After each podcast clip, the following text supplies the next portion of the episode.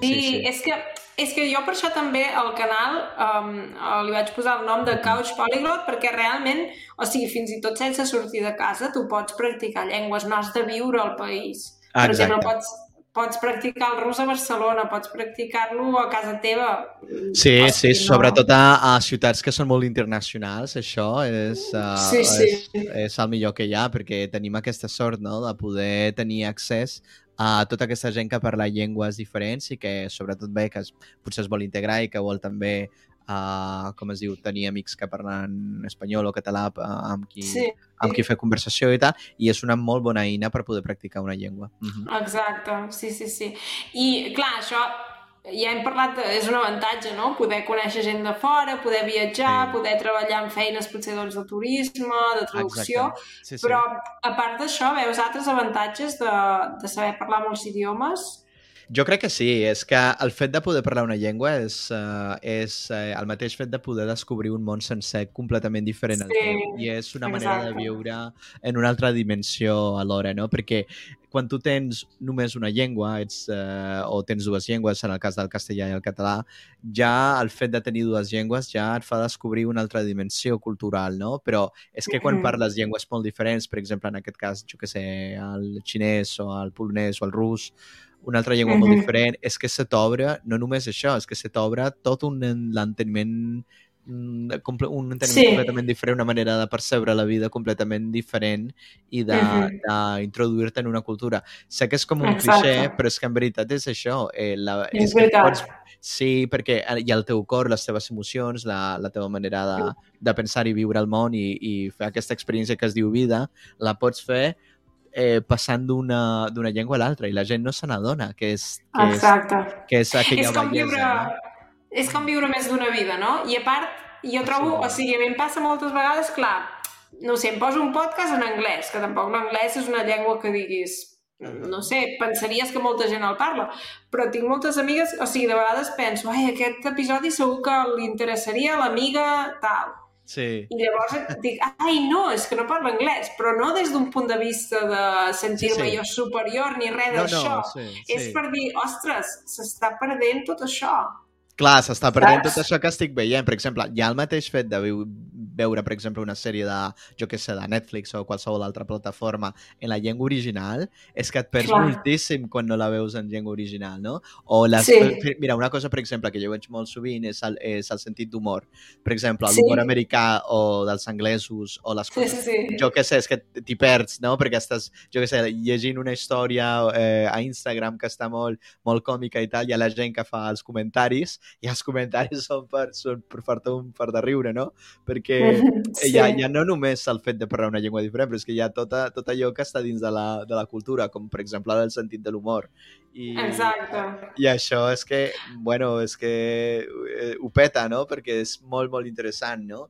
I després això, i ja no només això, el fet de concebre, per exemple, coses tan interessants com, jo que sé, com, com es veu el món de la feina en un, en un país i en un altre, com es veu el món, jo que sé, les relacions eh, sentimentals en un món i en l'altre, com es veu la...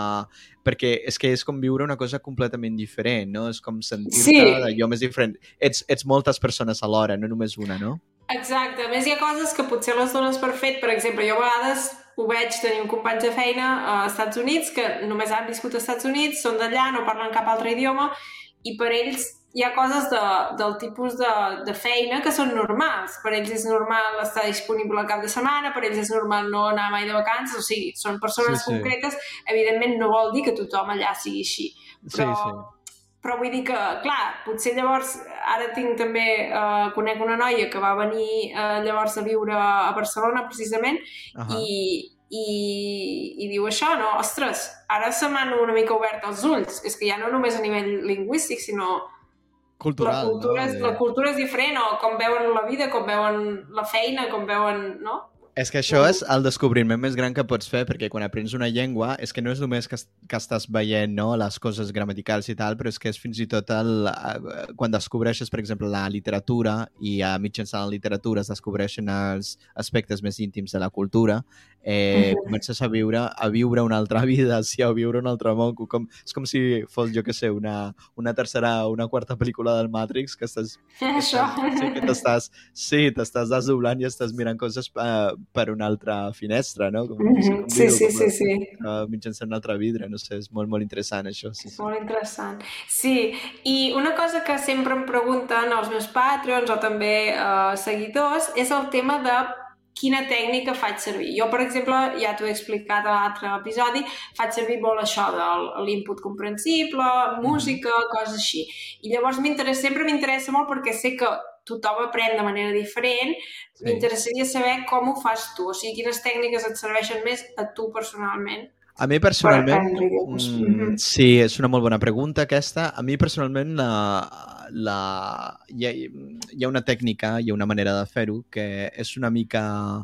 És, és dur perquè, perquè no és per qualsevol persona, s'ha d'estar preparat mentalment i emocionalment, però és el fet de, de, de confrontar la llengua sense cap barrera i sense cap obstacle, no? És a dir, eh, jo vaig aprendre anglès, per exemple, amb un professor que venia a casa meva perquè ja em feia sí. classes d'anglès, perquè a mi, o sigui, l'anglès jo el detestava, o sigui, no a les llengües quan era més petit, perquè ah. no... Llavors, va ser amb aquest senyor que jo vaig aprendre a estimar les llengües, perquè ell ah. va... no volia fer classes de gramàtica en anglès, sinó el que volia fer és que jo aprengués la llengua. Llavors era una cosa molt rara, perquè jo li, jo li, jo li, posava, jo li demanava, és que no pot ser que tu, tu, tu t'estic preguntant, però com és possible que tu vulguis ensenyar-me anglès i no ens posem a fer els exercicis de gramàtica? I ell em va dir, és que jo no vull que tu siguis eh, un gramàtic, a mi m'agradaria que tu aprenguessis la llengua. Llavors, des del primer dia es va posar a parlar, a posar a parlar en, en anglès amb mi. Ah, molt bé, perfecte. Sense res més, o sigui, no hi havia ni, ni, una, ni un mot en castellà.